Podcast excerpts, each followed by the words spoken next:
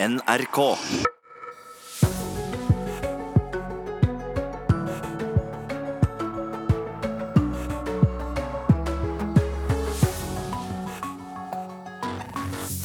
En mann i en varebil kjørte inn i en folkemengde og drepte minst ti mennesker i Toronto i Canada i går. Myndighetene sier de ikke finner noe politisk motiv. Den franske presidenten er på besøk hos den amerikanske presidenten. Hvem tjener mest på det, spør vi straks. Og så skal vi møte en av Norges mest populære artister. Jeg trenger ikke båt, penger og biler, følger ikke strømmen, det har jeg ikke tid til. Freddy Kalas er spilt av millioner av ganger på YouTube, men han er en av mange artister som er grundig lei at for det får de verken knapper eller glansbilder. Ugo Fermarello og Ida Creed er programledere i Nyhetsmorgen i dag. Vi sier god morgen.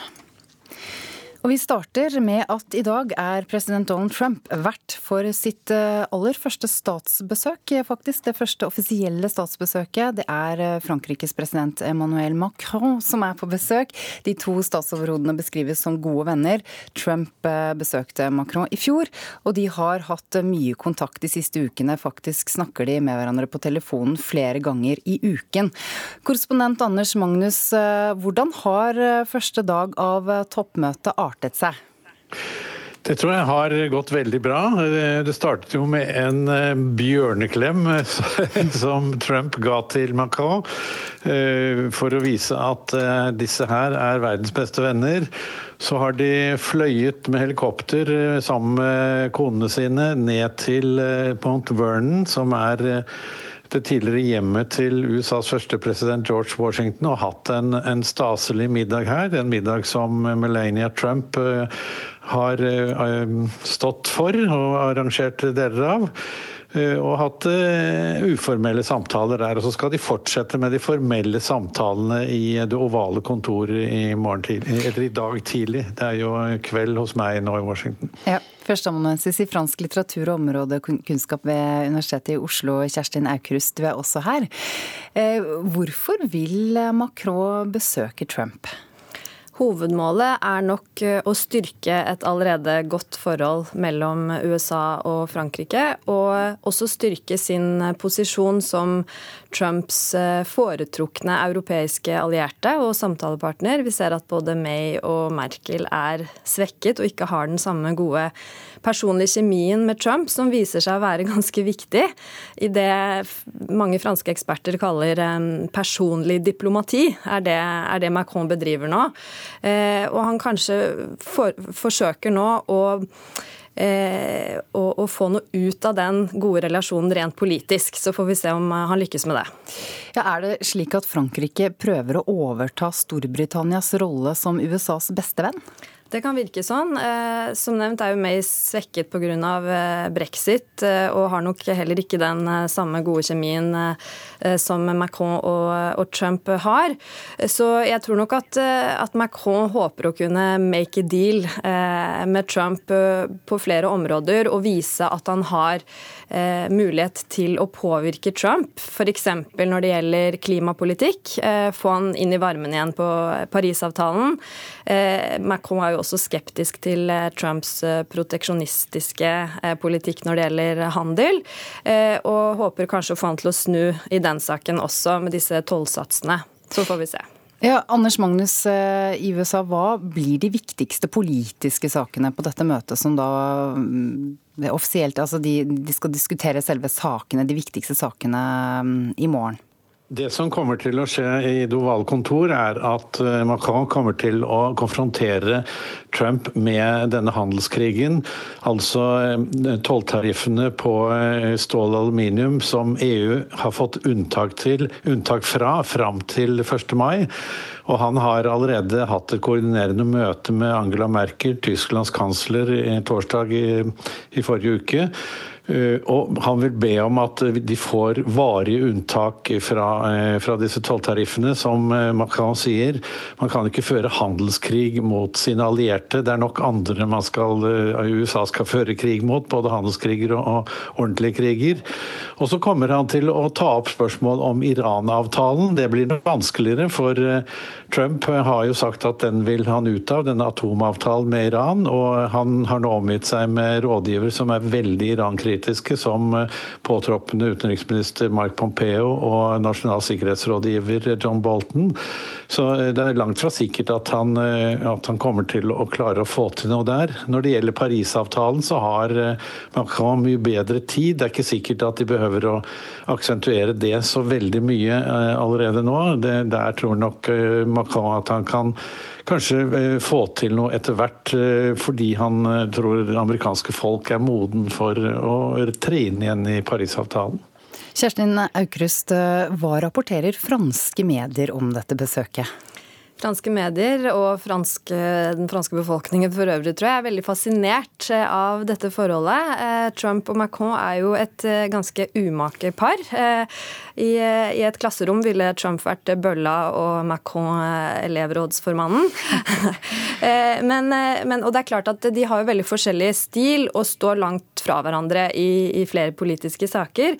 Samtidig så er det jo også fellesnevnere her. De er jo begge to politiske outsidere som vant hvert sitt valg mot alle odds, mot de etablerte partiene, og har nok en, en respekt for hverandre som er genuin. Så, og så har Trump blitt forført, sier, sier flere franske medier, av, av Macron. Bl.a. etter statsbesøket til Paris i fjor med, med stor militærparade på Champs-Élysées 14.07. Og, og Macron valgte jo også å gi et intervju til, til Trumps favorittkanal Fox News. Så Macron vet å trykke på de riktige knappene eh, for å styrke ytterligere det gode forholdet til Trump. Trump roste jo Erna Solberg og Norge for å være en god kunde for amerikansk industri eh, da hun besøkte ham. Hva slags forretninger er det Macron er ute etter? Frankrike og USA er jo konkurrenter både som våpen- og bilprodusenter. Ja, det, det, tror jeg er en del av, av, en større pakke. At han er mest interessert i å, uh, å, styrke det allerede gode forholdet dem imellom. Uh, det spennende blir jo å se om dette er uh, kun staffasje, holdt jeg på å si. Om man faktisk får noe ut av dette besøket rent politisk, og ikke bare flotte bilder for mediene. Ja, hva skjer hvis Macron ikke får noe særlig ut av dette? Jeg tror ikke det skjer så mye. Altså, Macron, eh, blant franskmenn, så, så, mener de at han gjør det veldig bra utenriks. At han er med på å styrke Frankrikes image, og det vil han nok fortsette også med dette besøket. Og det er også en god anledning for Macron å rette oppmerksomheten bort fra en vanskelig situasjon innenriks, eh, med streikende lokførere og sinte studenter og dalende meningsmålinger. Så jeg tror uansett at dette er en opptur for Macron. Mm. Takk for at eh, dere var med begge to korrespondent Anders Magnus og førsteamanuensis eh, ved Universitetet i Oslo, Kjerstin Aukrust. I presserunden starter vi med Klassekampen, for der står det at det er en fryktkultur i Oslo-skolen. Rødt-politiker Eivor eh, Evenrud sier hun har blitt kontaktet av over 50 lærere om forhold ved skolen i hovedstaden. Flere av lærerne har blitt kalt inn på teppet for å uttale seg offentlig eller skrive innlegg på Facebook, og dette skjer etter at en lærer på Ulsrud videregående skole gikk offentlig ut i Dagsnytt 18 og fortalte om vanskelige arbeidsforhold ved skolen. Frode Bergs kone Anita står frem i Dagbladet i dag. Hun forteller om sinnet sitt mot E-tjenesten, den store uvissheten og at hun håper på hjelp fra statsminister Erna Solberg. Den pensjonerte grenseinspektøren Frode Berg sitter jo i varetekt i Russland, siktet for spionasje. Berg gikk ut i avisen i går og sa han har jobbet for den norske E-tjenesten.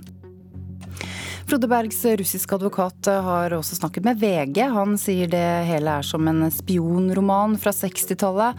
Han sier han er forferdet over metodene som har blitt brukt. Den russiske advokaten mener det er urettferdig at en som visste lite om operasjonen han var involvert i, nå er det eneste kjente offeret. Han legger skylden på dem som har planlagt operasjonen, som altså skal være den norske etterretningstjenesten. Han mener Berg følte seg presset til å gjennomføre oppdragene for E-tjenesten av lojalitet til norske myndigheter.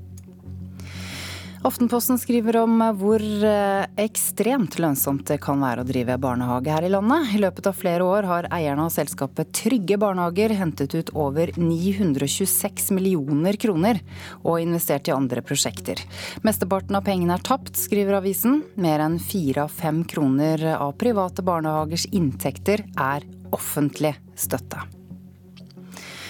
Færder kommune har sendt Økokrim over 30 saker om mulig ulovlig hyttebygging i strandsonen i Vestfold. Fra før har flere av byggesakene vært kjent, men omfanget av sakene har økt, skriver Dagens Næringsliv.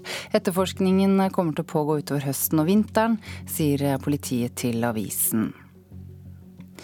Arbeidsminister Anniken Hauglie hevder at det har blitt færre innleide ansatte i Norge. Hun tar feil, skriver Dagsavisen, og viser til tall fra NHO. Bruken av innleide mm, mennesker, personer, vokser, stikk i strid med hva Hauglie har sagt i Stortinget. Bjørnar Moxnes fra Rødt mener Hauglie tar for lett på bemanningsbransjen, som Stortinget har instruert statsråden å begrense. Sporten og Astrid Urenholt Jacobsen telte på knappene om hun skulle legge skiene på hylla etter denne sesongen og prioritere medisinstudiene. Nå blir det begge deler, men hun er nødt til å få et spesialopplegg for å få studert nok. I går ble hun presentert på neste sesongs elitelag sammen med ni andre. Nå står jeg nå her i dag og er eh, veldig positiv til at det skal gå an å gjøre kombinasjonen. Og så får vi se. Det er noen ting som ikke er helt på plass ennå, men eh, det som Vidar sa i stad, det regner vi med kommer til å gå bra. Hun får en travel sommer og høst med medisinerstudie på fulltid og langrennssatsing på elitelaget. Forrige sesong så tonet hun ned studiene foran OL, men nå blir det tøft kjør framover. Det tøffe det er veldig bra for meg. da. Jeg, jeg merka nå kom hjem fra OL og starta som fulltidsstudent med en gang. og Det var jo på en måte en litt brutal overgang, men jeg fullførte jo siste delen av sesongen med veldig gode resultater med fulltidsstudier ved siden av. Ehm, så jeg vet at jeg har evnene til å takle det. Eh, og jeg tror det er viktig både for eh, forbundet og for laget og at er eh, folk løser det litt, på litt forskjellige måter og tar med seg litt um, ulik bagasje inn i, inn i, fellesskapet. Så jeg er veldig glad for at, at forbundet er positive til at folk ønsker å ta utdanning. Jeg tror det um, viktig også for de som er yngre å se at eh, det kan være en god ting, og at det ikke alltid er om å gjøre å gjøre minst mulig. Da. NRKs langrennsekspert Torgeir Bjørn har stor tro på at Astrid Unholt Jacobsen lykkes med sitt opplegg. Jeg tror Astrid er en type som eh, presterer bedre på ski hvis hun får tid til å studere litt uh, samtidig. Det absolutt beste for henne å både fordype seg i studier og trene samtidig. Så da er det viktig at hun får noen spesielle tilpasninger. At hun slipper å reise på alle samlinger, men får gjort det treningsopplegget som hun mener er best for seg sjøl. Nå har ikke jeg lagt detaljerte planer for sesongen ennå, det er litt tidlig. Så jeg tror det er greit å lande den sesongen som har vært ordentlig først, før man bare gyver løs på neste. Fordi ellers så blir det Kanskje er man litt ukritisk da og, bare gjør det man har gjort før. Så jeg har ikke lagt detaljerte planer, men jeg tror det blir viktig å markere seg litt tidlig. Og så samtidig være veldig klar, siden jeg også skal studere på hva jeg kommer til å være med på og hva jeg ikke skal være med på. Det sa Astrid Urenholt Jacobsen til reporter Pål Thomassen. Ti personer er døde og mange er skadet etter at en varebil kjørte inn i en folkemengde i Toronto i Canada. En av de andre hovedsakene våre denne morgenen handler om at forsikringsselskapene nå skjerper kontrollen med bilglassfirmaer etter mistanke om millionsvindel. Du hører på Nyhetsmorgen, klokken er 6.46. Ti personer er også døde, og 15 er innlagt på sykehus med alvorlige skader etter at en bil kjørte opp på fortauet og traff mange mennesker i Toronto i går. En 25 år gammel mann fra Canada er pågrepet. Ifølge myndighetene vet man ikke hva som skal ha vært motivet for påkjørselen, som skjedde i et tett befolket eh, område, forteller USA-korrespondent Anders Magnus. Det var en hvit varebil som kjørte inn i, eh, på fortauet i en eh, stor folkemengde. Det var mange ute på gaten i Toronto i går. Det var varmt og fint. Så, og dette er en ganske tett befolket bydel. Eh, North York i, i, Toronto, nær sentrum av byen. Så, så det var mange ofre i, i, løpet av den halvannen kilometeren som, som denne bilen kjørte på fortauet. Var dette terror? Politiet sier at det ikke var det. Eh, de sier at det er ingenting som tyder på det. Eh, de har identifisert, eh, og de har jo arrestert også mannen bak som en 25 år gammel student, Alek Minassian. Han har ikke så mange funnet så mye ut av, men han har lagt igjen noen få spor på internett som kan tyde på at han er en misfornøyd type. Kanskje har han hatt problemer med å, å um, få kontakt med kvinner. Eh, det kan være slike ting som ligger bak. Eh, eller det kan også være et slags motiv eh, at han har forsøkt å etterape andre som har vært terrorister. Det har jo vært en del slike angrep med lastebiler både i Europa og andre deler av verden i det siste. Hva er det som gjør at politiet da mener at dette ikke er terror? Fordi de finner ikke noen politisk eh, motivasjon for angrepet. eh, Verken på eh, hans kontor på sosiale medier eller i, i hans bakgrunn for øvrig. Og, og det er, eh, det er selvfølgelig Man skal etterforske dette videre, men eh, foreløpig så er det ingenting som tyder på at han har tilknytning til noen grupper utenfor landet. Og eh, etterforskningen er heller ikke overlatt til til det canadiske ridende politi som det ville vært hvis dette hadde vært snakk om et terrorangrep, at man hadde mistenkt at det var et terrorangrep. Hva forteller de som var der i går? De forteller om eh, ganske forferdelige scener hvor eh, det, det peneste vi kan si, er vel at klær og, og isunderrevne klær og sko eh, var, lå overalt. Men det var selvfølgelig også døde kropper som lå langs fortauet her, og også mange sårete. Det var jo minst 15 som også var såret. og det, det er, Legene er jo fortsatt ikke sikre på om alle de vil overleve, så det kan være at dødstallene stiger. Men dette her, eh, dette her var jo eh, et sjokk for de som var der, selvfølgelig, og også for de som kom til stedet rett etterpå. Ja, Det sa USA-korrespondent Anders Magnus. Å være populær for en artist betyr ikke at de nødvendigvis eh, tjener så mye penger på det, Hugo. De gjør ikke det. Eh, Og vet du hvorfor? Nei. Fordi når millioner f.eks. ser på en sang på YouTube, som stadig flere gjør, og ikke minst unge, så får artisten, musikerne eller andre som har vært med på å lage musikken, så å si ingenting, og det er de lei av. Nesten halvparten av de under 30 år bruker nå YouTube for å høre på musikk, og det viser, en fersk undersøkelse fra Kantar Media. Det ville vært mer rettferdig å få betalt litt mer for det, egentlig. Siden veldig mange andre strømmetjenester har høyere at du får høyere prosent fra andre steder. Jeg trenger ikke båt, penger og biler, følger ikke strømmen, det har jeg ikke tid til. Lever her og nå, lever illegal, er jo bare jo-jo-jo-jovial. Freddy Kalas sin hit 'Jovial' er spilt av over 8 millioner ganger på YouTube. Nesten halvparten av de under 30 år i Norge bruker nemlig YouTube når de skal høre på musikk, viser en undersøkelse gjennomført av Kantar Media. Veldig enkelt og gratis å bruke for folk, men ikke spesielt lukrativt for artistene og plateselskapene. Når man eh, hører på musikk på YouTube, som veldig mange gjør, og de aller aller fleste benytter jo YouTube til å høre på musikk, da går det så å si ingen penger tilbake til artist, til plateselskap eller til opphavsmenn. I motsetning til tjenester som Spotify og Tidal, der artist, plateselskap og opphavsmenn alltid får noen få øre utbetalt hver gang du trykker play.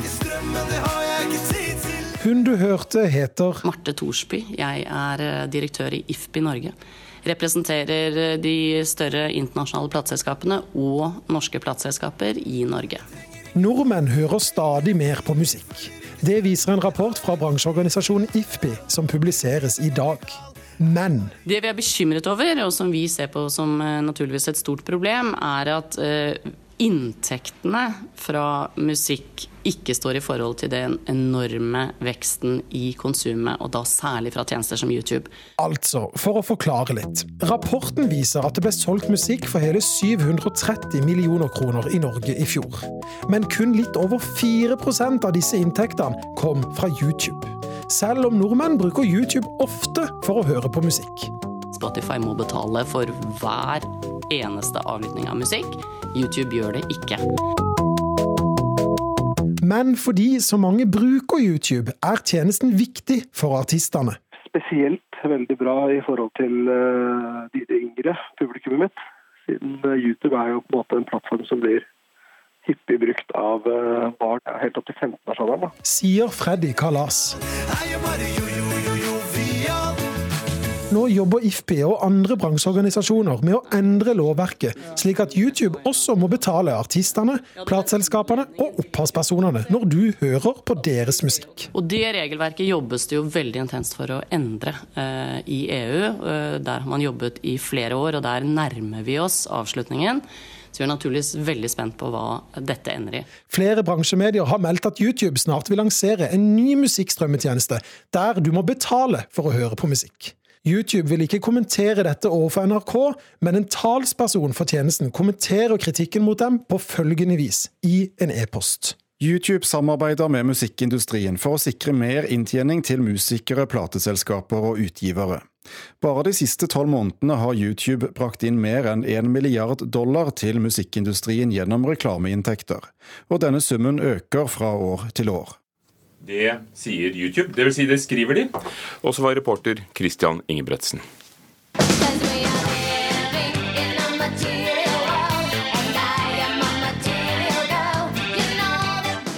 På 80-tallet sang amerikanske Madonna om alle sine ting, og nå må hun si at mange av de tingene hun en gang eide, blir solgt på auksjon mot sin vilje. Hvordan henger dette sammen, reporter Thomas Halversten Ove? Jo, Madonna har i snart ett år forsøkt å stoppe at 22 gjenstander som har vært i hennes eie, skal eh, auksjoneres bort. Men i går så ble dommen eh, offentliggjort som gjør det klart at Madonnas tidligere venninne Darlene Lutz, som også var ansvarlig for å bygge opp artistens kunstsamling, får lov til å selge disse tingene.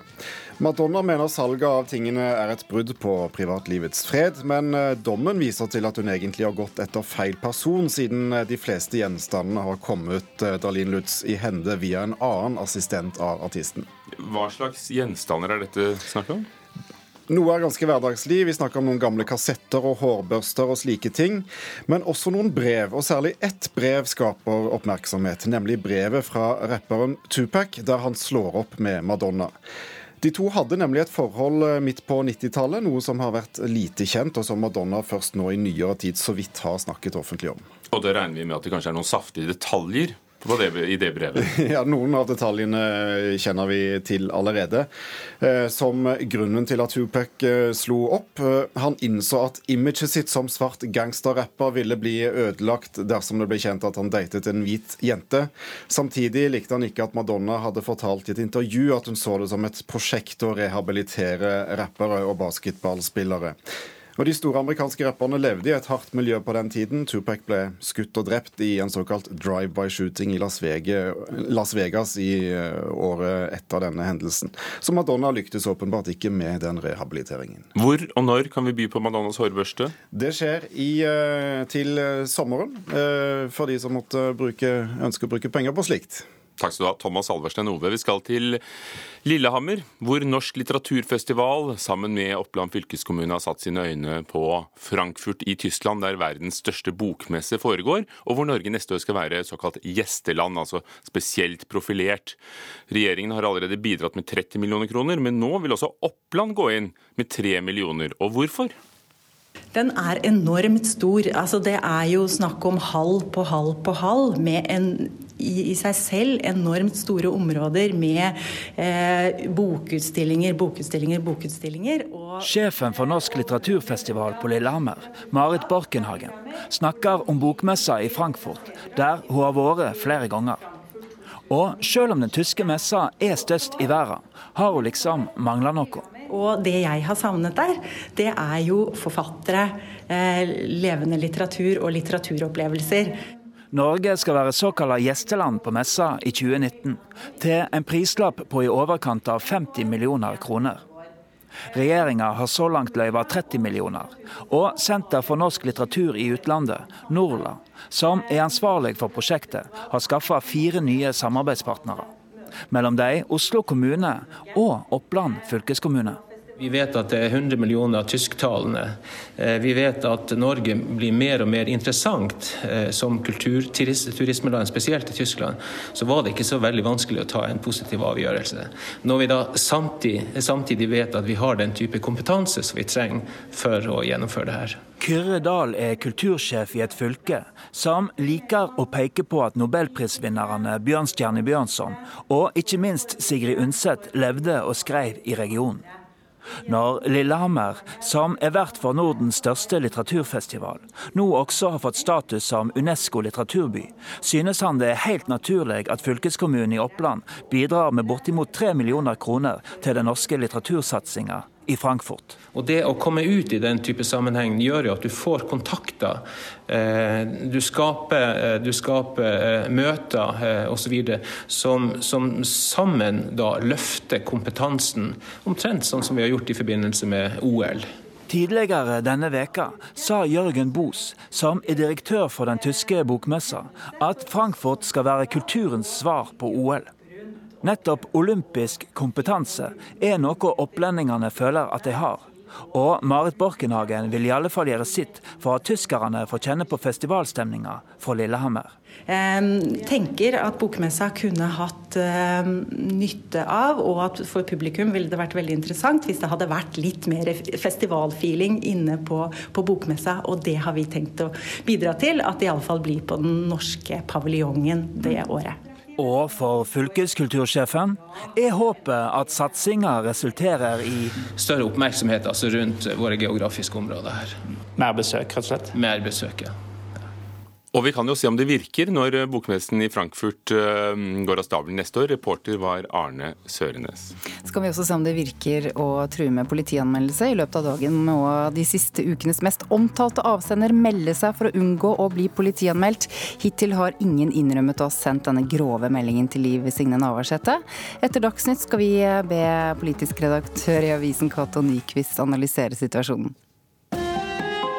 Hør ekko. På 70-tallet viste studier at vi ikke kunne bli overvektige eller få hjertesykdommer av å spise karbohydrater, som sukker. Konklusjonen var den gang sukker er sunt. Tenk at forskning kunne ta så feil. Det skal vi snakke om i Ekko i dag. Ekko 9-11 i NRK P2.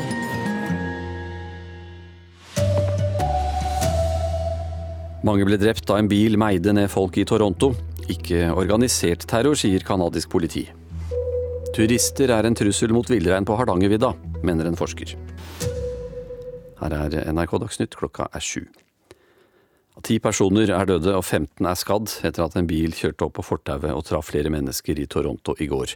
En 25 år gammel mann fra Canada er arrestert. Politiet sier mannen ikke skal være tilknyttet noen terrororganisasjon, forteller USA-korrespondent Anders Magnus. De finner ikke noen politisk motivasjon for angrepet, verken på hans kontor på sosiale medier eller i, i hans bakgrunn for øvrig. Og, og det er, det er, selvfølgelig Man skal etterforske dette videre, men foreløpig så er det ingenting som tyder på at han har tilknytning til noen grupper utenfor landet. Og etterforskningen er heller ikke overlatt til til det canadiske ridende politi, som det ville vært hvis dette hadde vært snakk om et terrorangrep, at man hadde mistenkt at det var et terrorangrep. Opplysningene om at Frode Berg har vært på flere oppdrag for den norske etterretningstjenesten, kan få konsekvenser for det 25 år lange Barentssamarbeidet med Russland. Det mener leder Øystein Hansen i støttegruppa til Frode Berg. Her ved grensen så har vi måttet ha tatt et stort, stort ansvar opp gjennom alle år i forhold til det å være grenseboere. og Da er det veldig trasig at norske myndigheter bruker grenseboere i operasjoner som kan skade det her folk-til-folk-samarbeidet. Facebook har fjernet dobbelt så mange innlegg med ekstremistisk innhold i løpet av årets tre første måneder, sammenlignet med forrige kvartal. 1,9 millioner innlegg relatert til IS eller Al Qaida har enten blitt fjernet eller blitt advart mot i løpet av årets første kvartal, ifølge Facebook. EU er blant dem som har lagt press på selskapet og dets konkurrenter om at de må fjerne slike innlegg raskere. Turismen på Hardangervidda om sommeren kan være en trussel mot Nord-Europas største villreinstamme. Ferdselen i nasjonalparken kan nemlig ha blitt et hinder for at kalvene får nok mat. Villreinforsker Olav Strand sier kalvene på Hardangervidda veier mindre enn i andre villreinområder. Ja, de er ganske små, da. Og ligger og har jo i flere år ligget på en sånn 12-13-14 kilo. Og det er jo en god del mindre enn hva en finner i andre områder. som det er i og for seg naturlig å sammenligne seg med. NRK Dagsnytt, Anders Borgen Werring.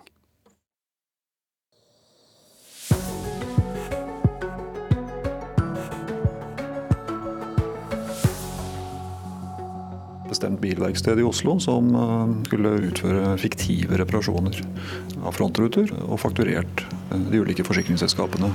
Et bilverksted skal ha fått kunder til å skrive falske skademeldinger på glasskader.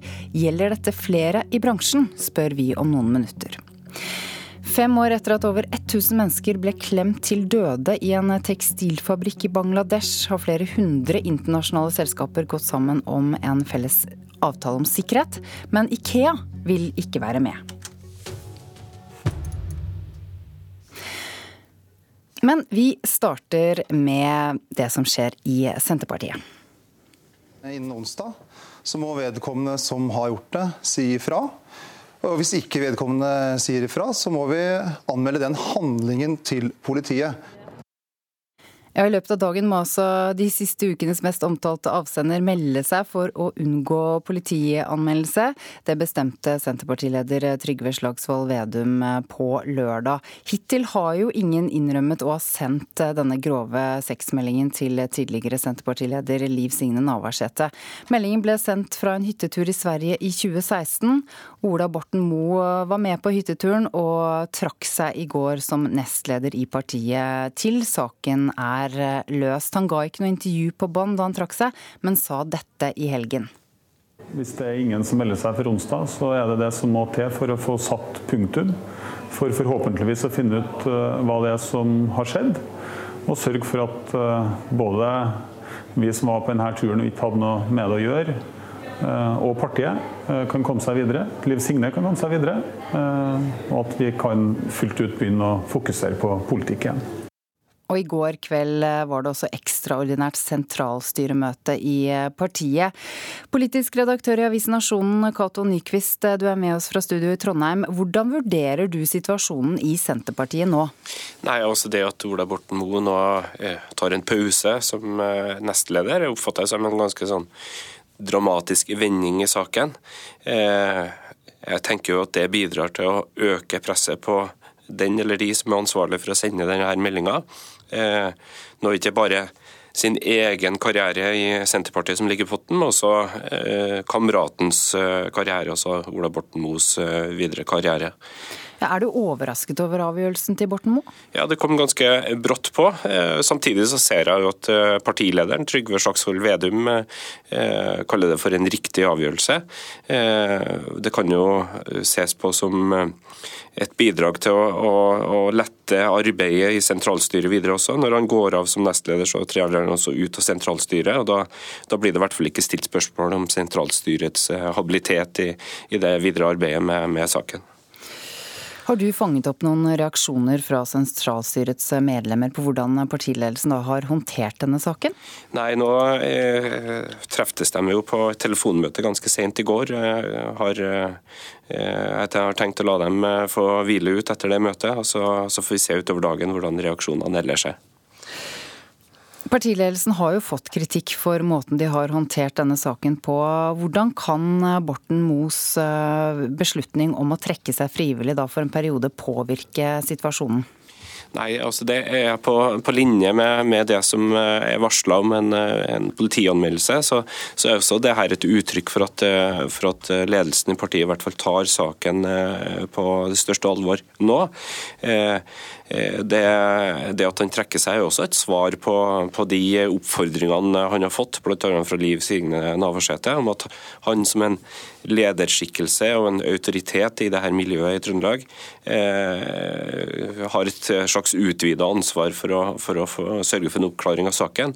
Nå, nå eh, sier han jo ved, ved sin eh, fratreden at, at eh, nå har han gjort det han kan for å bringe, bringe saken til en oppklaring. og, og og har brukt liksom, de, de, virkemidlene han har til rådighet. Så, så det er også et, et, svar til dem som mener at han har hatt et, et, ekstra ansvar for å få oppklart det. Dersom den ansvarlige ikke melder seg, samtidig som Borten Moe appellerer til at vedkommende melder seg, hva, hva sier det om de ti hyttekameratene? Har de høyere lojalitet til hverandre enn til partiet? Ja, Nå er det vanskelig å, å spekulere i, i, hvor mange som på en måte er involvert i det her. Eh, det eneste vi vet med sikkerhet, er at minst en av dem har, eh, har løyet om, om eh, sin, sin rolle.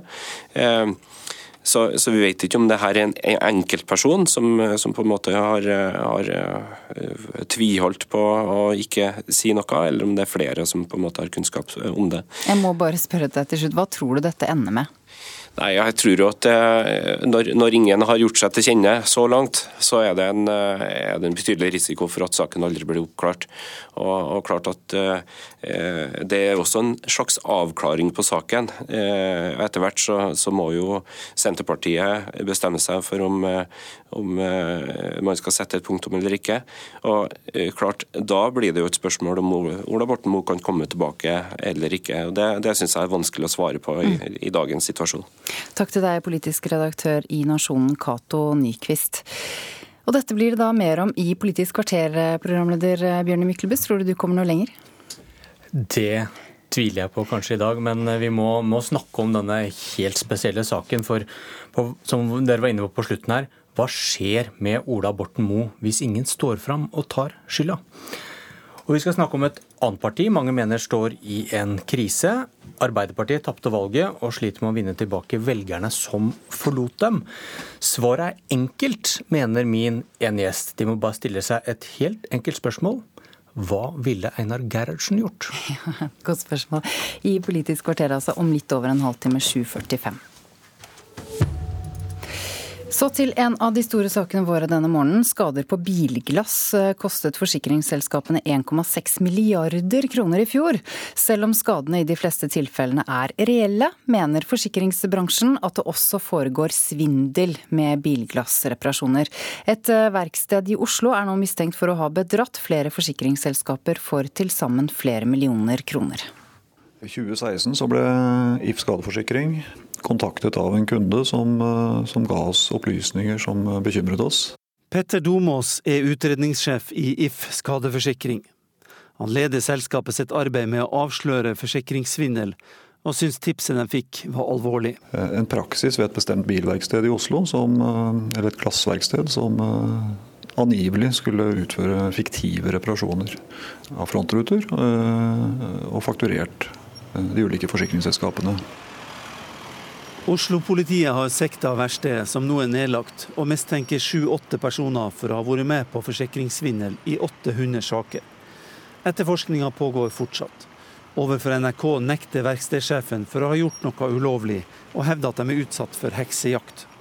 Også den tidligere forsikringsagenten avviser å ha gjort noe ulovlig.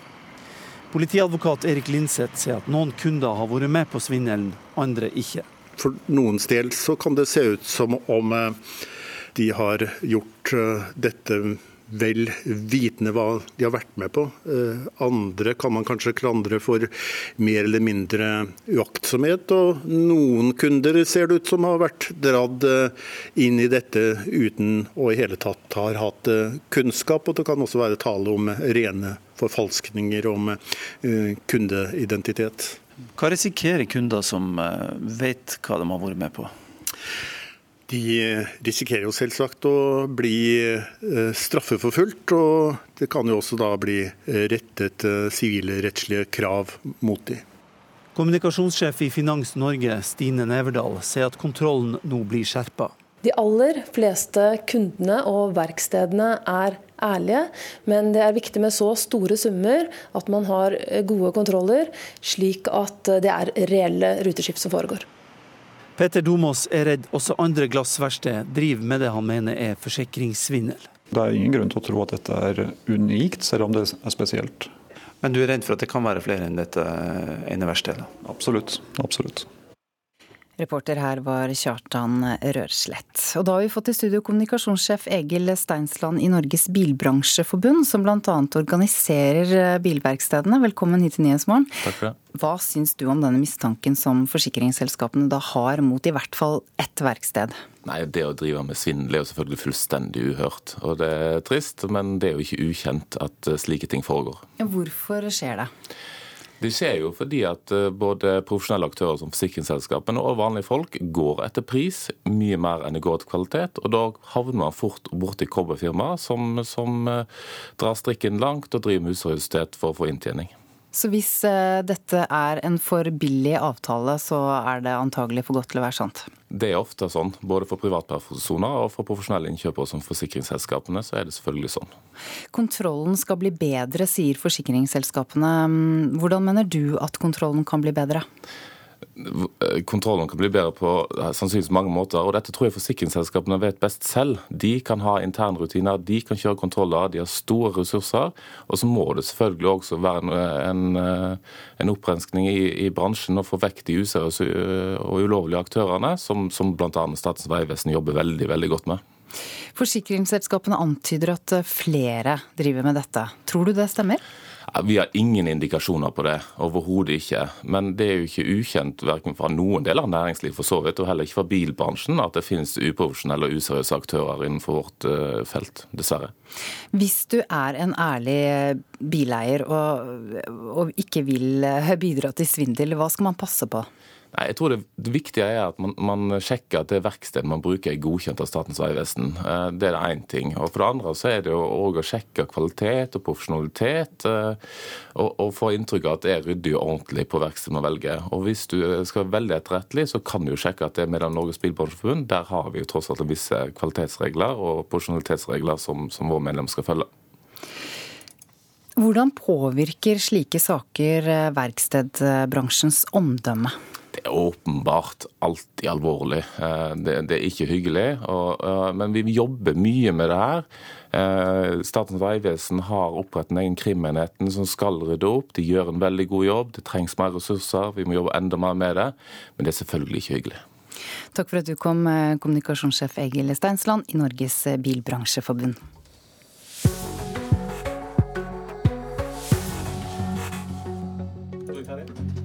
Klokken er 7.15. Du hører på Nyhetsmorgen. Dette er noen av de viktigste sakene akkurat nå. Mange ble drept da en bil eh, kjørte ned folk eh, på fortauet i Toronto i Canada. Men det var ikke organisert terror, sier canadisk politi. Turistene er en trussel mot villreinen på Hardangervidda, mener en forsker. Og da skal vi til Canada, for ti personer er altså drept og 15 er innlagt på sykehus med skader, mange av dem alvorlige, etter at en varebil kjørte opp på fortauet og traff mange mennesker i Toronto i går. En 25 år gammel mann fra Canada er pågrepet. Ifølge myndighetene vet man ikke hva som kan ha vært motivet hans. He just went on the sidewalk. He just started hitting everybody, man. He hit every single person on the sidewalk. Anybody in his way, he would hit. Han kjørte på alle. Hver eneste person foran ham på fortauet ble truffet. Alt var kaos, forteller dette øyenvitnet til Reuters. Varebilen kjørte om lag én kilometer nedover fortauet i bydelen North York i Toronto. Det skjedde på ettermiddagen i går lokal tid. Øyenvitner forteller at mannen i bilen bevisst kjørte på menneskene.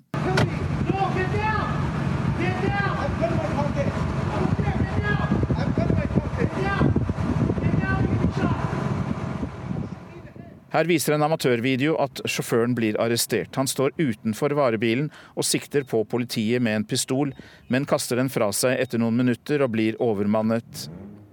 Den mistenkte heter Alec Menessien og er selv fra Toronto, men det er en person som ikke er kjent fra tidligere for politiet, sier politisjefen Peter Yen. Is uh. Uh, right across, on on uh, on right. Minassian er student ved Seneca College i North York i Toronto. Den mistenkte mannens motiv er ikke kjent. Kanadisk kringkasting har snakket med en person som gikk i samme klasse på videregående skole, og som fortalte at den mistenkte gjerningsmannen gikk mye for seg selv og så ut til å ha få nære venner. Politiet i Toronto ber folk holde seg unna området, og gata der påkjørselen skjedde er stengt. Det samme er en T-banelinje som går forbi. Dette var det verste massedrap i Canadas nyere historie, med ti drepte og 15 skadde. Og sikkerheten er skjerpet i Toronto, men myndighetene vurderer det ikke som en nasjonal krisesituasjon, sier Ralph Goodale, sikkerhetsminister i den canadiske regjeringen. There would appear to be no national security connection to this particular incident. Våre tanker går til dem som er rammet, skriver Canadas statsminister Justin Trudeau i en Twitter-melding. Utenriksreporter Øystein Heggen hadde sett på denne saken. Fem år etter at over 1000 mennesker ble klemt til døde i en tekstilfabrikk i Bangladesh, har over 200 store internasjonale selskaper gått sammen om en felles sikkerhetsavtale. Men eh, den store tekstilimportøren Ikea vil ikke være med. De gravde etter overlevende mens døde ble båret vekk i hvite plastsekker. Arbeiderne hadde varslet om en sprekk i veggen, men ble beordret tilbake. Hvis de nektet, kom de til å miste jobben. Men så raste den ulovlig oppførte bygningen sammen. 1138 mennesker døde, 2500 ble alvorlig kvestet. Katastrofen ble et vendepunkt i sikkerhetsarbeidet i Bangladesh, verdens største tekstileksportør nest etter Kina. Nå har flere enn 200 internasjonale kleskjeder skrevet under på en avtale som skal ha gjort hverdagen tryggere for to millioner arbeidere. Men en av verdens største tekstilimportører, Ikea, er ikke blant dem. De har sin egen avtale. Det er altså en bredere standard enn den du refererer til. Sier Anders Lennartsson, som er Ikeas bærekraftsjef i Norge. Han sier de gjennomfører kontroller, og at de har gode erfaringer fra flere land. Men Ikea vil ikke fortelle hvilke fabrikker de handler med i Bangladesh, eller hvem det er som kontrollerer dem. Ja, det handler egentlig i utgangspunkt av konkurranseskäl eller grunner. Eh, at Eh, vi velger å ikke eh, dele med oss av den typen av oppgifter. Jusprofessor ved Universitetet i Oslo, Beate Sjåfjell, har sammenlignet Ikeas avtale med den internasjonale Bangladesh Accord. Hovedforskjellen er åpenhet, sier hun. Vi vet ikke om eh, sikkerheten blir godt nok ivaretatt hos eh, tekstilleverandørene til, eh, til verdens største møbelleverandør, Ikea. Vi har to avtaler foran oss her. Hvilken av disse to avtalene mener du gir best beskyttelse for tekstilarbeidere i Bangladesh? Det vet vi ikke. Men det vi vet med Bangladesh Akkord på de områdene som det går inn, er at da har vi mulighet til å etterprøve hvilke fabrikker er det som undersøkes hva har blitt undersøkt og hva har blitt gjort der. Men når det gjelder Ikea, som kanskje gjør vel så bra arbeid på flere punkter, så, så, vet vi ikke. Og det er problemet. At Ikea nekter å være åpne. Sjåfjell mener at kravene til åpenhet bør være strenge, også når det gjelder liv og helse. Vi ville aldri akseptere at et internasjonalt konsern som Ikea sa at vi eh, har regnskaper, og vi har noen som sjekker regnskapene, men vi har ikke tenkt å fortelle dere noe, og ingen kan eh, gå inn og se nærmere på dette. Dette aksepterer ikke lovgivere, aksepterer ikke samfunnet når det gjelder finansielle tall. Så det er på tide at vi begynner å behandle menneskers liv og helse like alvorlig som vi gjør tall. Reporter her var Marit Kolberg. Leder i Framtiden i våre hender, Anja Bakken Riise, velkommen hit til Nyhetsmorgen. Du var selv på besøk i Bangladesh nå rett før påske. Hvordan er arbeidsforholdene for folk som jobber på sånne fabrikker nå? Mm. Da jeg var i Bangladesh og møtte tekstilarbeiderne, så kunne de fortelle meg om veldig lange dager. De jobber minimum åtte timer, men ofte ti-tolv timer hver dag, seks dager i uka. De har en veldig lav lønn, tjener 530 kroner i måneden, og godt over halvparten av det går til husleie. Og så er det i tillegg altså de uh, ulykkene som de utsettes for. Det er altså fem år siden 1135 mennesker døde på denne tekstilfabrikken i Bangladesh. Man hadde jo kanskje håpet at dette var en katastrofe som fikk bransjen til å våkne, mm. men har det skjedd? Både ja og nei. Det har skjedd tydelige forbedringer for sikkerheten i Bangladesh. Eh, og det var helt nødvendig. Altså, da jeg var der nå og snakka eh, med flere av ofrene, så møtte jeg bl.a. en kvinne eh, som fortalte meg at hun hadde sett sprekkene i veggen dagen i forveien. Hun hadde varsla fabrikkeierne. Hun hadde sagt fra til sin egen mann at hun var redd, hun ville ikke gå på jobb. Men også han sa at hun måtte komme seg tilbake på jobb, for de var helt avhengig av inntekter. Hun ble liggende i ruinene i over ti timer. Hun hadde et dødt menneske liggende over beinet sitt, og et menneske over magen som døde mens de lå der. Og det er klart at sånne typer historier det gjør veldig inntrykk. Eh, og etter ulykken så så vi mennesker over hele verden bildene fra eh, denne tragedien, og det skapte det helt nødvendige presset for å få på plass denne juridisk bindende sikkerhetsavtalen for Bangladesh. Ja, denne sikkerhetsavtalen som heter eh, The Bangladesh Accord of Fire and Safety ble altså gjort etter katastrofen for fem år siden. Mm. Men har den da bedret sikkerheten i Bangladesh, eller i, i, hvor stor grad? På hvilken måte har den bedret situasjonen? Definitivt. Altså det eh, Tekstilarbeiderne i Bangladesh utsettes for alt fra små ulykker, fra sår til kutt, til eh, eksplosjoner, brann og bygningskollaps. Men de tekstilarbeiderne jeg snakka med som jobber på fabrikker som er omfatta av denne avtalen, det er rundt 1600 fabrikker av totalt 5000 i tekstilindustrien i Bangladesh, de kunne fortelle om eh, mange forbedringer. Alt fra nå er det åpne rømningsveier, det er skilting, det er brannslukningsapparat, det er tilgang på opplæring og ikke minst enklere fagorganisering. Det er kjempeviktig. Eh, så, så det er et veldig behov for å fortsette dette presset, og ikke minst at også Ikea skal bli med på denne avtalen. Mm. Fint å høre at det i hvert fall er at, at, noe har blitt bedre. Men eh, er det sånn at det er en fare for at produksjonen blir flyttet til andre land når det mm. blir strengere lovverk i Bangladesh?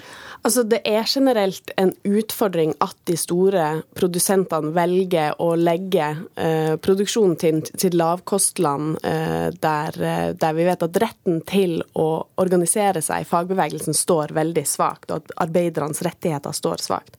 Men å produsere klær i Bangladesh er fortsatt veldig billig og Derfor er det all grunn til å tro at eh, produsentene kommer til å fortsette å produsere klær der. og Det er nettopp derfor det er så viktig å få på plass eh, denne eh, få enda flere merkevareselskaper med i denne juridisk bindende avtalen, og sikre trygge forhold for arbeiderne. Ja eller nei, spørsmål til slutt. Vil, kjøper du klær fra, som er produsert i Bangladesh? Ja, de fleste av oss uh, har nesten ikke noe valg. Uh, men, uh, men, og det er ingen grunn til å slutte å kjøpe klær fra Bangladesh, men vi må presse på for at merkevareselskapene tar ansvar. Takk for at du kom hit i Nyhetsmorgen, leder i Framtiden i våre hender, Anja Bakken Riise. Da skal vi tilbake til USA, for der er tidligere president George Bush den eldre innlagt på sykehus bare dager etter at hans kone Barbara Bush døde. 93 år gamle Bush ble innlagt etter å ha pådratt seg en infeksjon som spredte seg i blodet, heter det i en pressemelding fra familien.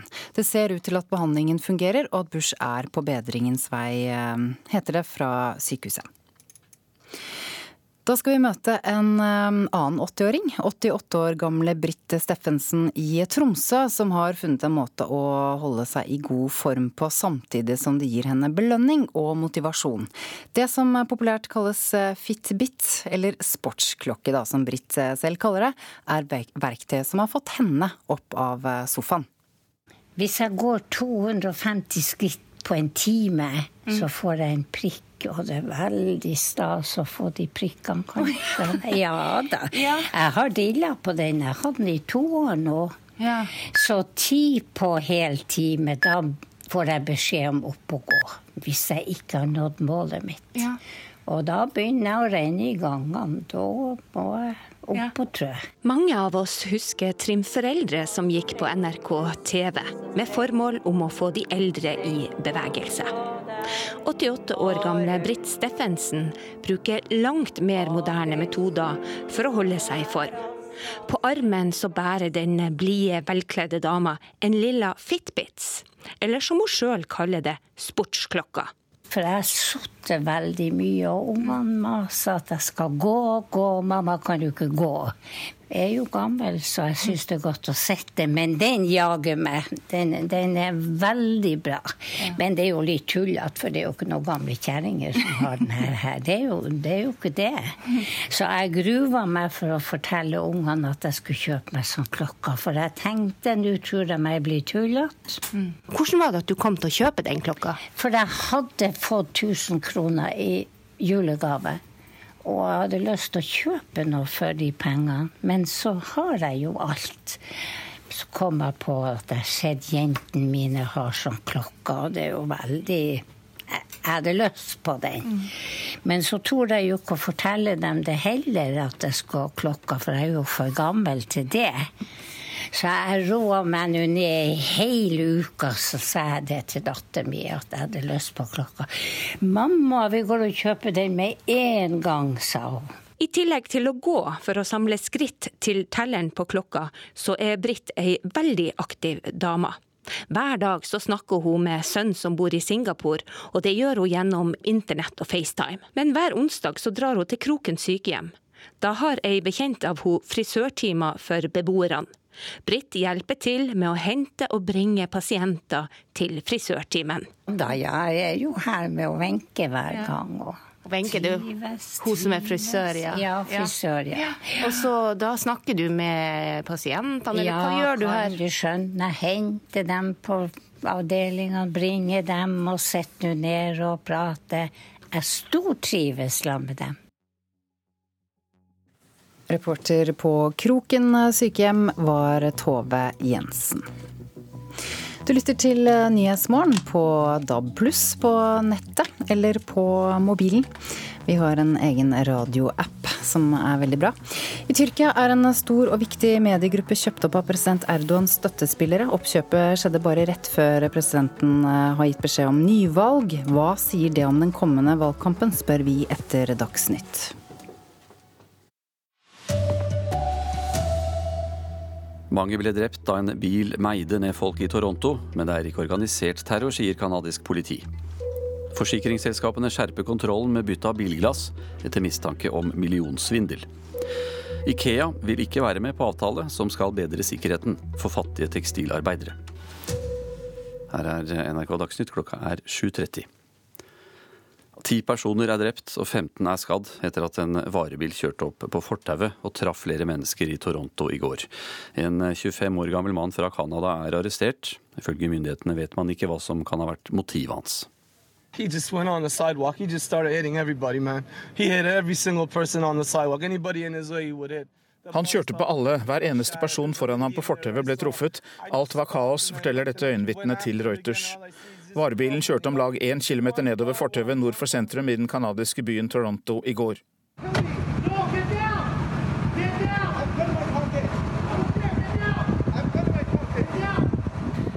Her blir sjåføren arrestert. Han står utenfor varebilen og sikter på politiet med en pistol, men kaster den fra seg etter noen minutter og blir overmannet. Det er den 25 år gamle Alec Menessien, som selv er fra Toronto. Men det er en person som ikke er kjent for politiet, sier politisjefen i byen, Peter Yen. There is uh, nothing on our files. Uh, we've looked right across, and there's, there's nothing that we have on on uh, on him right now. Minassian er student ved Seneca College i North York i Toronto. Den mistenkte mannens motiv er ikke kjent. Kanadisk kringkasting har snakket med en person som gikk i samme klasse på videregående skole, og som fortalte at den mistenkte gjerningsmannen gikk mye for seg selv og så ut til å ha få nære venner. Dette var det verste massedrap i Canadas nyere historie, med ti drepte og 15 skadde. Og sikkerheten er skjerpet i Toronto, men myndighetene vurderer det ikke som en nasjonal krisesituasjon, sier Ralph Goodale, sikkerhetsminister i den canadiske regjeringen.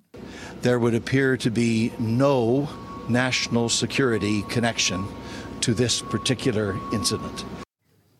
Det var utenriksmedarbeider Øystein Heggen som hadde laget dette innslaget. Forsikringsselskapene her hjemme vil skjerpe kontrollen med verksteder som driver med bilglass. Det skjer etter at et verksted i Oslo er mistenkt for bedrageri mot forsikringsselskapene for flere millioner kroner. Selv om de fleste er ærlige, så må vi ta dem som svindler, sier kommunikasjonssjef Stine Neverdal i Finans Norge. Og det er klart at eh, kontrollene må bli bedre enn eh, de har vært nå. Det er store penger i omløp når biler skal ha reparert ødelagte ruter. I fjor betalte forsikringsselskapene ut 1,6 milliarder kroner for glasskader. Men kanskje er ikke alle skadene like reelle. Et bilverksted i Oslo etterforskes nå for svindel, sier politiadvokat Erik Linseth. Det er eh, planlagt eh, reparasjon, utbedring, skifte av eh, glassruter som ikke er utført i det hele tatt. Andre ganger så er det falske skademeldinger som har blitt kjøpt. Til sammen er det mistanke om forsikringssvindel i 800 saker på verkstedet, som nå er nedlagt. Politiet mener kundene i mange tilfeller var med på det. Altså Man har da fått eh, personer til å skrive under på skademeldinger uten at det er noe reelt forhold bak. Verkstedsjefen nekter for at de har gjort noe ulovlig. En tidligere forsikringsagent etterforskes òg av politiet, men avviser anklager om at han forsynte verkstedet med kunder. Han skal ha fortalt dem at der kunne de få fiksa også andre ting på bilen enn rute, men få det på forsikringa som glasskade. Ikke bra, sier utredningssjef Petter Domås i If. Svært alvorlig. Vil understreke at vedkommende hadde sluttet før denne saken ble avdekket, og han, eh, meg bekjent, jobber ikke lenger med forsikring. Reporter her, Kjartan Røslett. Så skal det handle om eh, Telenor. Selskapet la fram eh, resultatet for første kvartal i morges, og selskapet fikk totale inntekter på 27,1 milliarder kroner. Ehm, og fikk to millioner flere kunder i løpet av eh, årets første kvartal. Økonomireporter Johan Settem, hvordan går det egentlig med Telenor? Jo, det er en eh, fornøyd konsernsjef eh, Sigve Brekke som i dag kan vise frem tall som han mener er gode. I tillegg til at selskapet har fått mange nye abonnenter, så øker driftsresultatet med 800 millioner kroner til 11,3 milliarder. Den såkalte driftsmarginen øker til over 41% og det er kraftig opp fra samme kvartal i fjor. Og hvor er det Telenor tjener pengene om dagen? Jo Brekke han er spesielt fornøyd med Skandinavia. Vi vet jo at Norge har vært ei melkeku for eh, Telenor i mange år. Så sier Telenor at det har gått litt treigt i Bangladesh og Pakistan, men at de regner med at det går litt bedre fremover. Så hvis vi skal oppsummere, kan vi nok si at resultatene ble omtrent slik ekspertene venta på forhånd. Takk skal du ha, økonomireporter Johan Settem. Senterpartileder Trygve Slagsvold Vedum mener det var riktig av Ola Borten Moe å trekke seg midlertidig som nestleder. Borten Moe trekker seg og kommer ikke tilbake før seksmeldingssaken er løst. Sentralstyret i Senterpartiet satt i telefonmøte i går kveld for å finne ut hvem som sendte den sjikanøse meldingen til Liv Signe Navarsete. Vedum har tidligere sagt at saken blir politianmeldt dersom avsenderen ikke melder seg inn i morgen.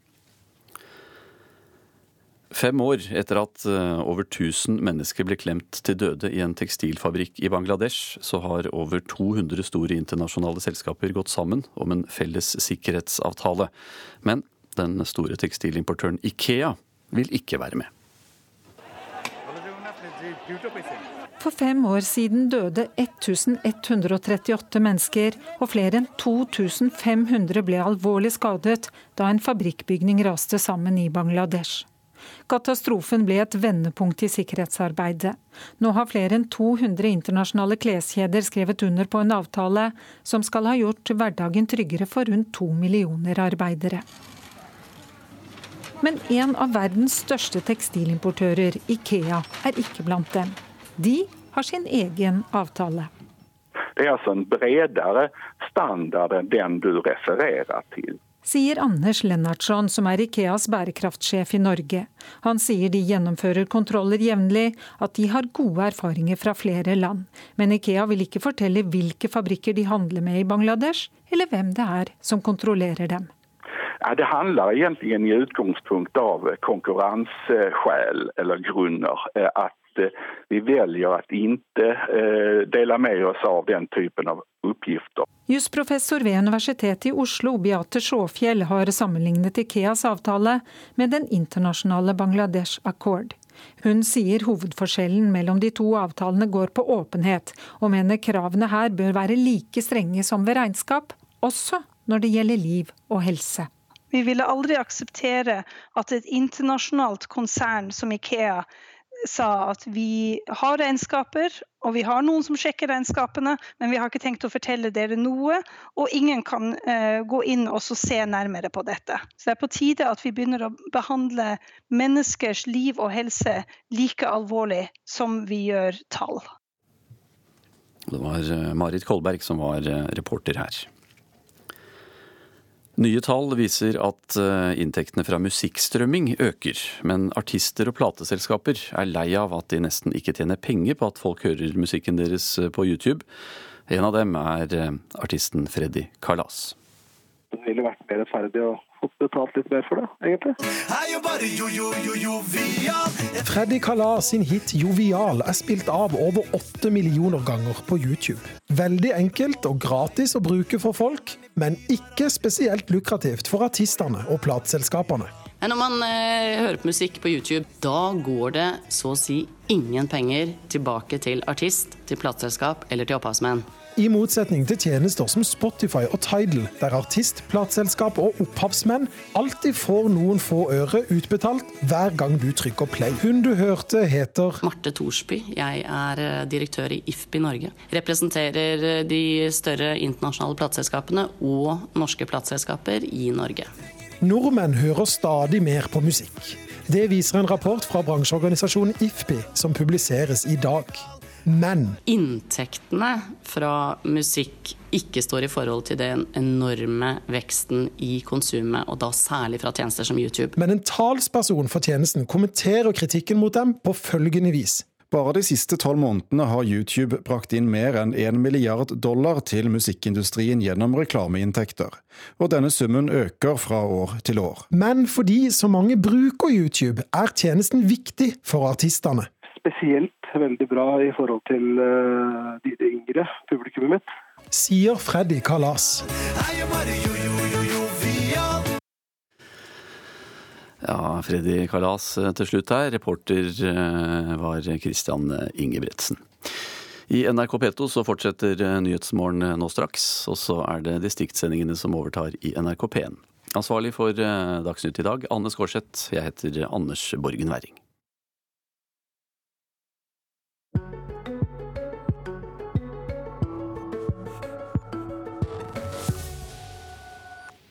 I Tyrkia er en stor og viktig mediegruppe kjøpt opp av president Erdogans støttespillere.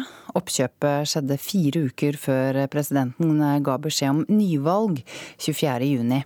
Og dette lover ikke godt for den kommende valgkampen, sier en tyrkisk skribent og medieprofessor. The effect is, will be huge for the, for the audience and the readers in Turkey. Effekten vil bli enorm for tyrkerne, sier Jaren Søseri. Vi treffer professoren i kommunikasjon på Galatasaray-universitetet i kafeen der vi ser rett ut på det vakre Bosporos-stredet. Uh, Jeg tror dette betyr slutten på mainstream media her i Tyrkia, sier akademikeren, som skriver en fast spalte om medier i Evren selv, en av de fire avisene hun mener er de siste uavhengige nå. For akkurat en måned siden vakte et medieoppkjøp i Tyrkia stor oppsikt. Demirøren Holding, et firma som støtter president Erdogan, kjøpte noen av Tyrkias viktigste medier fra en annen stor mediegigant, Doğan-gruppen. Demirøren kjøpte bl.a. den populære underholdningskanalen Kanal D. Kanal D. Og den populære nyhetskanalen CNN Tyrk som nå kontinuerlig dekker den dramatiske utviklingen om presidentvalget, som er fremskyndet med ett og et halvt år. Også den engelskspråklige avisen Horiet Daily News, avisen alle utenlandske journalister, forskere og diplomater leser, er solgt til medieeieren som støtter president Erdogan. Da Demirøren kjøpte to aviser i 2011, gjorde de om begge til talerør for regjeringen. and they fight many journalists, many of them the critical journalists and the, the women journalists, for example. Og kritiske journalister fikk sparken, forteller medieanalytikeren til NRK. Oppkjøpet av Doan-gruppens mediehus skjedde bare fire uker før president Erdogan bestemte seg for å gå til nyvalg på datoen 24.6 i år i stedet for 3.11 til neste år. Tilfeldig? Ingen vet. Men sikkert er det at mediene er et viktig verktøy for regjeringspartiet AKP, ikke minst de neste ukene før valget. Uh, da tyrkerne gikk til folkeavstemning for akkurat ett år siden for å si ja eller nei til et styrket og mer sentralisert presidentembete, kunne vi se hva mangel på mediemangfold kombinert med unntakstilstand førte til. President Erdogans leir, Ja-leiren, arrangerte enorme massemøter med sin velsmurte valgmaskin. Det var ingen over og ingen ved siden. For opposisjonen, nei-leiren, kom knapt til orde i de store TV-sendingene. Og de fikk heller ikke tillatelser til å arrangere tilsvarende valgmøter. Og nei-siden var bare godt synlig den siste uken før folkeavstemningen. Alternativet til en hovedsakelig regjeringsstyrt presse er å opprette nye nyhetsnettverk for å få informasjon. Need to build a new news networks because some Kurdish journalists Vi må høre rapportene til kurdiske journalister f.eks., for, eksempel, for vi hører ikke hva som skjer sørøst i landet nå, sier medieprofessoren, som fortsetter å skrive som hun alltid har gjort, uten selvsensur. Ja, det var vår korrespondent Sissel Wold som rapporterte fra Istanbul.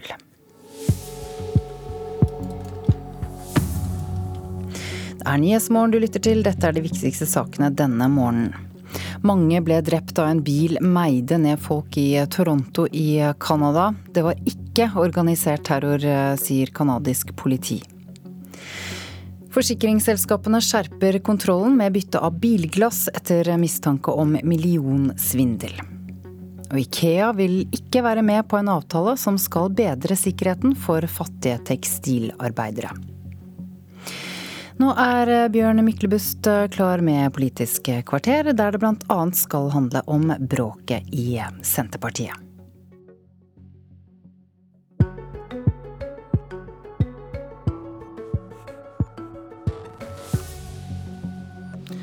Det er ikke så lett å skille fantasi fra virkelighet i norsk politikk om dagen. Hva dette er fiksjon. Einar Gerhardsen våkner under pulten på Youngstorget etter 60 år, får høre hva Arbeiderpartiet gikk til valg på i 2017, og brekker seg.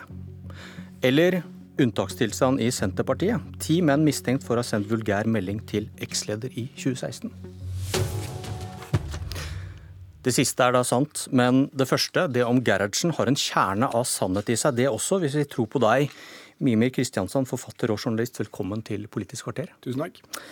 Dette er åpningsscenen i din nye bok 'Hva ville Gerhardsen gjort'?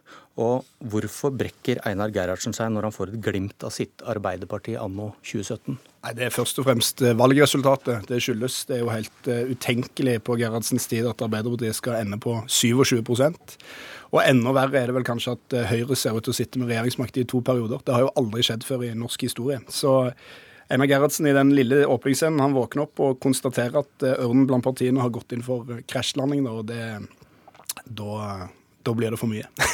og da, da, skriver du bok, og denne boken er et råd til Arbeiderpartiet i krise. Og hva er det partiet bør lære av Einar Gerhardsen? Ja, jeg tror det er tre ting som jeg bare prøver å gå kort gjennom. Det første er at Einar Gerhardsen var en arbeiderpolitiker. Han kom fra arbeiderklassen sjøl, og han kjempa hele livet for interessene til det han kalte det store arbeidende folk. I dag er det blitt på moten mange steder, dessverre noen ganger òg i Arbeiderpartiet, å late som om arbeiderklassen ikke finnes lenger. Men vi snakker om det store flertallet folk som har vanlige jobber, som har en sjef som bestemmer hva de skal gjøre på jobben, som må i banken for å få lån, som trenger velferdsstaten når de brekker beinet, som ikke har gått mange år på universitet osv. Og de menneskene der, de er på vei, de er fortsatt store flertall av velgerne, men de er på vei ut av toppolitikken. Og Ap er ikke noe unntak. I Aps stortingsgruppe så har 85% av de som sitter der, vært på universitet eller høyskole. I befolkningen er den andelen 30% mens de resterende 70% det store flertallet, de er nesten ikke representert blant Aps toppolitikere. Og med den utviklingen som har vært, så er det ikke urimelig å tro at om én eller to stortingsperioder så finnes det ingen representanter igjen i Ap stortingsgruppe som kommer fra det store flertallet av befolkningen. Så Det er det ene. Det andre er at Einar Gerhardsen trodde på at økonomien kunne styres av de folkevalgte. Etter krigen så ble landet bygd, som det heter, og det skjedde med staten som byggmester. Man fikk etter hvert, etter Gerhardsen har gått av riktignok, Statoil f.eks., som tok kontroll over oljen. I dag er jo Statoil i ferd med å skifte navn til Equinor, og, og i tillegg så er det ingen, og dessverre heller ikke fra Ap, som drømmer om å mene at framtidas næringer, enten det er oppdrett eller moderne skogindustri, skal staten ta ledertrøyen over. Og det tredje er at eh, man trenger og Gerhardsen hadde, og Ap trenger i dag, et slags ideologisk ankerfeste, et mål å fikse blikket på. Gerhardsen sikta på månen og landa på taket. Eh, og i dag er det 37 år siden Ap sist vedtok et prinsipprogram. Sa noe om, om, hvor de ville virkelig med samfunnet. Og det er jo fem år før jeg ble født, for å si det sånn. Så jeg tror Ap trenger en stor ideologisk offensiv. Så jeg har den kontroversielle påstanden Arbeiderpartiet har noe å lære av Einar Gerhardsen. Stemmer du Arbeiderpartiet? Ja, det har jeg gjort, og det har jeg ikke gjort. Stemmer du Arbeiderpartiet? Det kan jeg ikke svare på. For du, eh, du, er jo, det er jo kjent da, du har en, du har en fortid, fortid, i Rødt. Eh, og en fortid i AUF. Og en fortid i AUF. Eh, når du hevder rådene dine ikke går ut på at Arbeiderpartiet skal gå, mm. gå til venstre, ikke kopiere politikken til SV og Rødt. I boka eh, så anbefaler du Arbeiderpartiet å forby profitt i velferden, mm. seks timers arbeidsdag, planøkonomi, tiårsplaner med statlig industrireisning, mm. en statlig boligsektor. Arbeiderpartiet må dyrke klassekamp, og målet må være det klasseløse samfunn. I hvilke partier i Norge finner vi flest spor av dette? I dag? Ja. Dette finner man spor av i Ap, SV, Rødt. Hvor er det mest av det, vil du si? I programmene sikkert mest i SV og Rødt, for alt jeg vet. Men dette har jo jeg henta fra Einar Gerhardsens erindringer, så dette er ikke mine råd til arbeidet. Det er Alle de tingene du ramser opp nå, de sto Einar Gerhardsen for. men, i, men i, i, i, dagens politiske Norge så vil vel dette å ta, være å ta Arbeiderpartiet et kraftig skritt til venstre. Ja, og hvor, hvor, stor oppslutning har, har SV og Rødt? Hvis, du, hvis, målet er å gi Arbeiderpartiet flere velgere? Ja, nei, De har fryktelig liten oppslutning. og Jeg mener ikke at Ap skal kopiere deres program. Du nevnte noen saker nå. Andre... Hvor gode er disse rådene da, hvis dette her er, er radikalpolitikk og veldig få stemmer på radikalpolitikk? Dette er den politikken Ap førte når de hadde rent flertall i norsk politikk over lang tid. På disse punktene så vil Ap kanskje eh, ligner mer på SV Rødt, men på andre punkter, ta den industripolitikken som jeg nevner. SV Rødt er ikke noe utprega industripartier. Ta den arbeiderklasseorienteringen som jeg nevner. SV Rødt er ikke noe utprega arbeiderklassepartier. De partiene òg har i mine øyne masse å lære av Einar Gerhardsen. Det jeg mener med at partiet ikke skal gå verken til venstre eller høyre, det er det at man i stedet for å prøve å plassere seg på en sånn skala, se på noen andre, se på Høyre, hva gjør de, se på SV Rødt, hva gjør de, Arbeiderpartiet trenger ikke det. Arbeiderpartiet er det største partiet i Norge, har vært i over 100 år. I stedet må Arbeiderpartiet spørre seg hvem er vi til for, hvilke mennesker og hvilke interesser er det vi representerer? Og prøve å bygge et stort flertall av velgere som man kan, eh, som man okay. kan bygge fra. Og du, som sagt, eh, Dette er Einar Gerhardsens råd til Ap og den politikken som han sto for. Og Hadde han våknet etter, etter 60 år og lest, eh, bare lest partiprogrammene som de er i dag, hva ville han stemt? Det aner jeg ikke, det er ikke noe vits å spekulere i. Men la meg få si det, da. Så tror jeg at Einar Gerhardsen du, du, er ikke sikker på at han ville stemt Arbeiderpartiet engang? Altså. Det blir så vanskelig å spekulere i. Men hvis jeg skulle gjette, så ville han stemt Arbeiderpartiet. Ja, det tror okay. jeg. Og det gjør de aller fleste arbeidere i Norge. Og det kommer de til å fortsette å gjøre. Og det er ikke mulig for venstresida på noen måte å vinne valget uten at Arbeiderpartiet reiser hjem. Vi skal høre hva Arbeiderpartiet, en av dem, syns om rådet. Fredrik Mellem, leder i Oslo Arbeidersamfunn, velkommen. Eh, hva syns du om disse rådene? Altså På noen punkter så slår jo Mimir inn åpne dører. Eh, dette forslaget om at vi bør vedta et nytt eh, prinsipprogram, det har jo Oslo Arbeidersamfunn vedtatt, og mange andre partilag har gått inn for det. Ikke først og fremst fordi vi trenger å ha en oppdatert bibel i skuffen, men fordi jeg tror Arbeiderpartiet hadde hatt veldig godt av eh, i hele sin organisasjon å ha en sånn prosess en periode framover nå. Men så tror jeg også at Mimir har et litt sånn eventyraktig Disney-bilde av Gerhardsen og eh, 1960, eh, Norge anno 1960 i hodet sitt. Må huske at I 1960 så jobba vi fortsatt på lørdager. Arbeiderpartiets politikk var at uh, familier skulle klare seg på én inntekt, slik at kvinner kunne være husmødre. Uh, det er 53 år siden Einar Gerhardsen gikk av som statsminister nå, og det begynner å bli lenge, til, lenge siden. Betyr det at man ikke kan lære noe? Absolutt ikke. Vi kan lære noe av historien helt generelt. Men i Arbeiderpartiet så skal vi fram til noe, ikke tilbake til noe. Og det gjaldt på Einar Gerhardsens tid også. Det fantes eh, Mimir Kristianssoner på Einar Gerhardsens tid også, som mente at Arbeiderpartiet hadde vært mye bedre under Johan Nygaardsvold, og at nå hadde man solgt seg til amerikanerne ved å si ja til Marshall-hjelpen, eh, tatt Norge inn i Nato og sånne ting. Eh, sånn sett er Mimmi Kristiansson en del av en tradisjon som går 90 år tilbake. fordi det har alltid vært noen eh, på venstresiden som har sagt at Arbeiderpartiet var bedre for en generasjon siden. Dette har vi levd med i snart 100 eh, år. Men samtidig så er det jo interessant eh, å lese, da. Eh, og jeg gleder meg til eh, lanseringen. Og det er alltid interessant når noen velger å løfte fram og skrive om en av de store arbeiderheltene i Norge. Du, du har en, en Disney-versjon av, av Gerhardsen, får du høre her. Ja, jeg, jeg syns det er litt merkelig å si. fordi at jeg mener ikke, og den boka handler ikke om at alt Einar Gerhardsen drev med, kan man lære av i dag. Det er jo masse problemer som, i politikken som Gerhardsen ikke hadde eh, noe aning om. Altså klimaproblemene, innvandringssituasjonen. Alt dette er det ikke opplagt at man kan hente noe råd hos Gerhardsen. Men noen ting i samfunnet er ganske evige. Eh, og den konflikten mellom arbeid og kapital, mellom de som jobber og de som eier, eh, det at Norge er et klassesamfunn, det at man trenger å bygge ut velferden, det at markedet alene ikke kan eh, løse problemene når det kommer til å bygge ut industri, det gjelder i dag. Og det som er deprimerende, det at mange, og det oppdaget jeg når jeg leste Gerhardsens erindringer, det at mange av problemene som Gerhardsen og hans samtidige trodde de hadde avskaffa, de har plutselig begynt å vende tilbake igjen. Et eksempel er f.eks. arbeidsløshet, som i etterkrigstida rett og slett var borte, men som har hatt perioder av igjen, og vi har hatt en fallende sysselsettingsgrad, kanskje særlig under eh, denne regjeringen i forrige periode med oljekrise og sånn. Eh, under Gerhardsens epoke, ulikhetene gikk ned år for år, 40 år. Siden har de steget og steget og steget. Sånn at disse tingene kommer dessverre tilbake. og man må, Dette er veldig deprimerende, men man må aldri tro at man kommer i mål. Man får aldri lagd det eh, Disney-samfunnet der man har løst disse problemene en gang for alle. Det må hele veien plukkes opp igjen, kjempes for på nytt.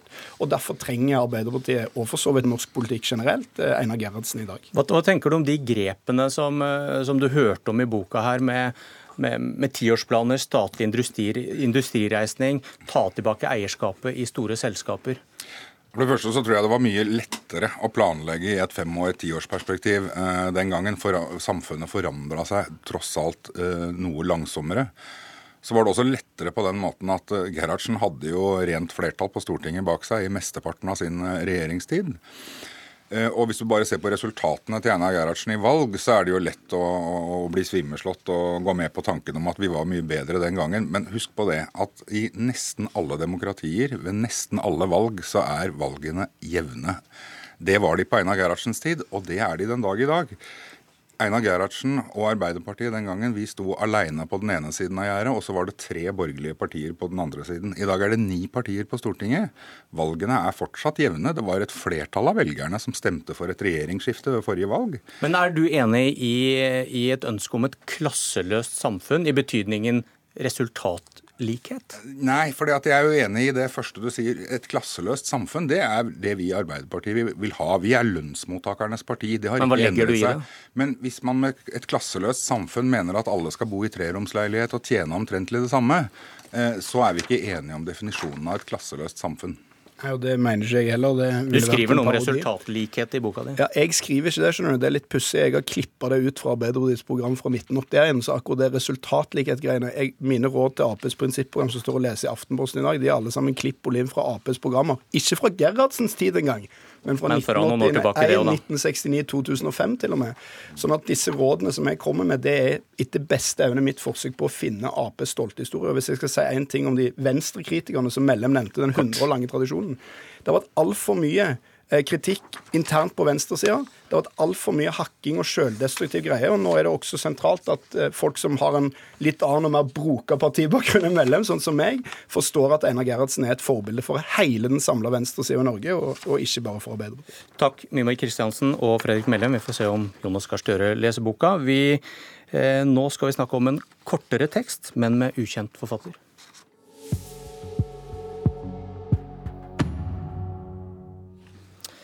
Det er en møkkasak. Møkk er møkk uansett hva du prøver å gjøre med det. Sentralstyremedlem i Senterpartiet Bjarne Undheim setter ord på hva han føler om den mye omtalte meldingen til Liv Signe Navarsete i 2016, som ingen vil innrømme at de sendte. Ola Borten Moe sier han ikke kan fungere som nestleder før det blir avklart hvem det er. Politisk kommentator i NRK Lars Nehru Sand, i går kveld var det sentralstyremøte i et vi får vel si krisepreget Senterparti. Hva vet du om det møtet? Ja, det møtet skjedde på telefon med, med, medlemmer rundt omkring i hele landet. og Der var det en grundig gjennomgang eh, med generalsekretæren om eh, håndteringen av eh, denne saken. Det ble ikke eh, noe dramatikk i den diskusjonen eh, sentralstyret hadde etterpå, og heller ikke fremkom noe særlig nytt utover det vi i mediene allerede har eh, rapportert. Men det er klart det både sentralstyret og, og generalsekretæren nå er spente på, er jo om noen melde seg innen utløpet av eh, morgendagen, hvor da denne fristen som partilederen satt for å, å melde seg er, eh, for at ikke partiet skal ta saken til politiet.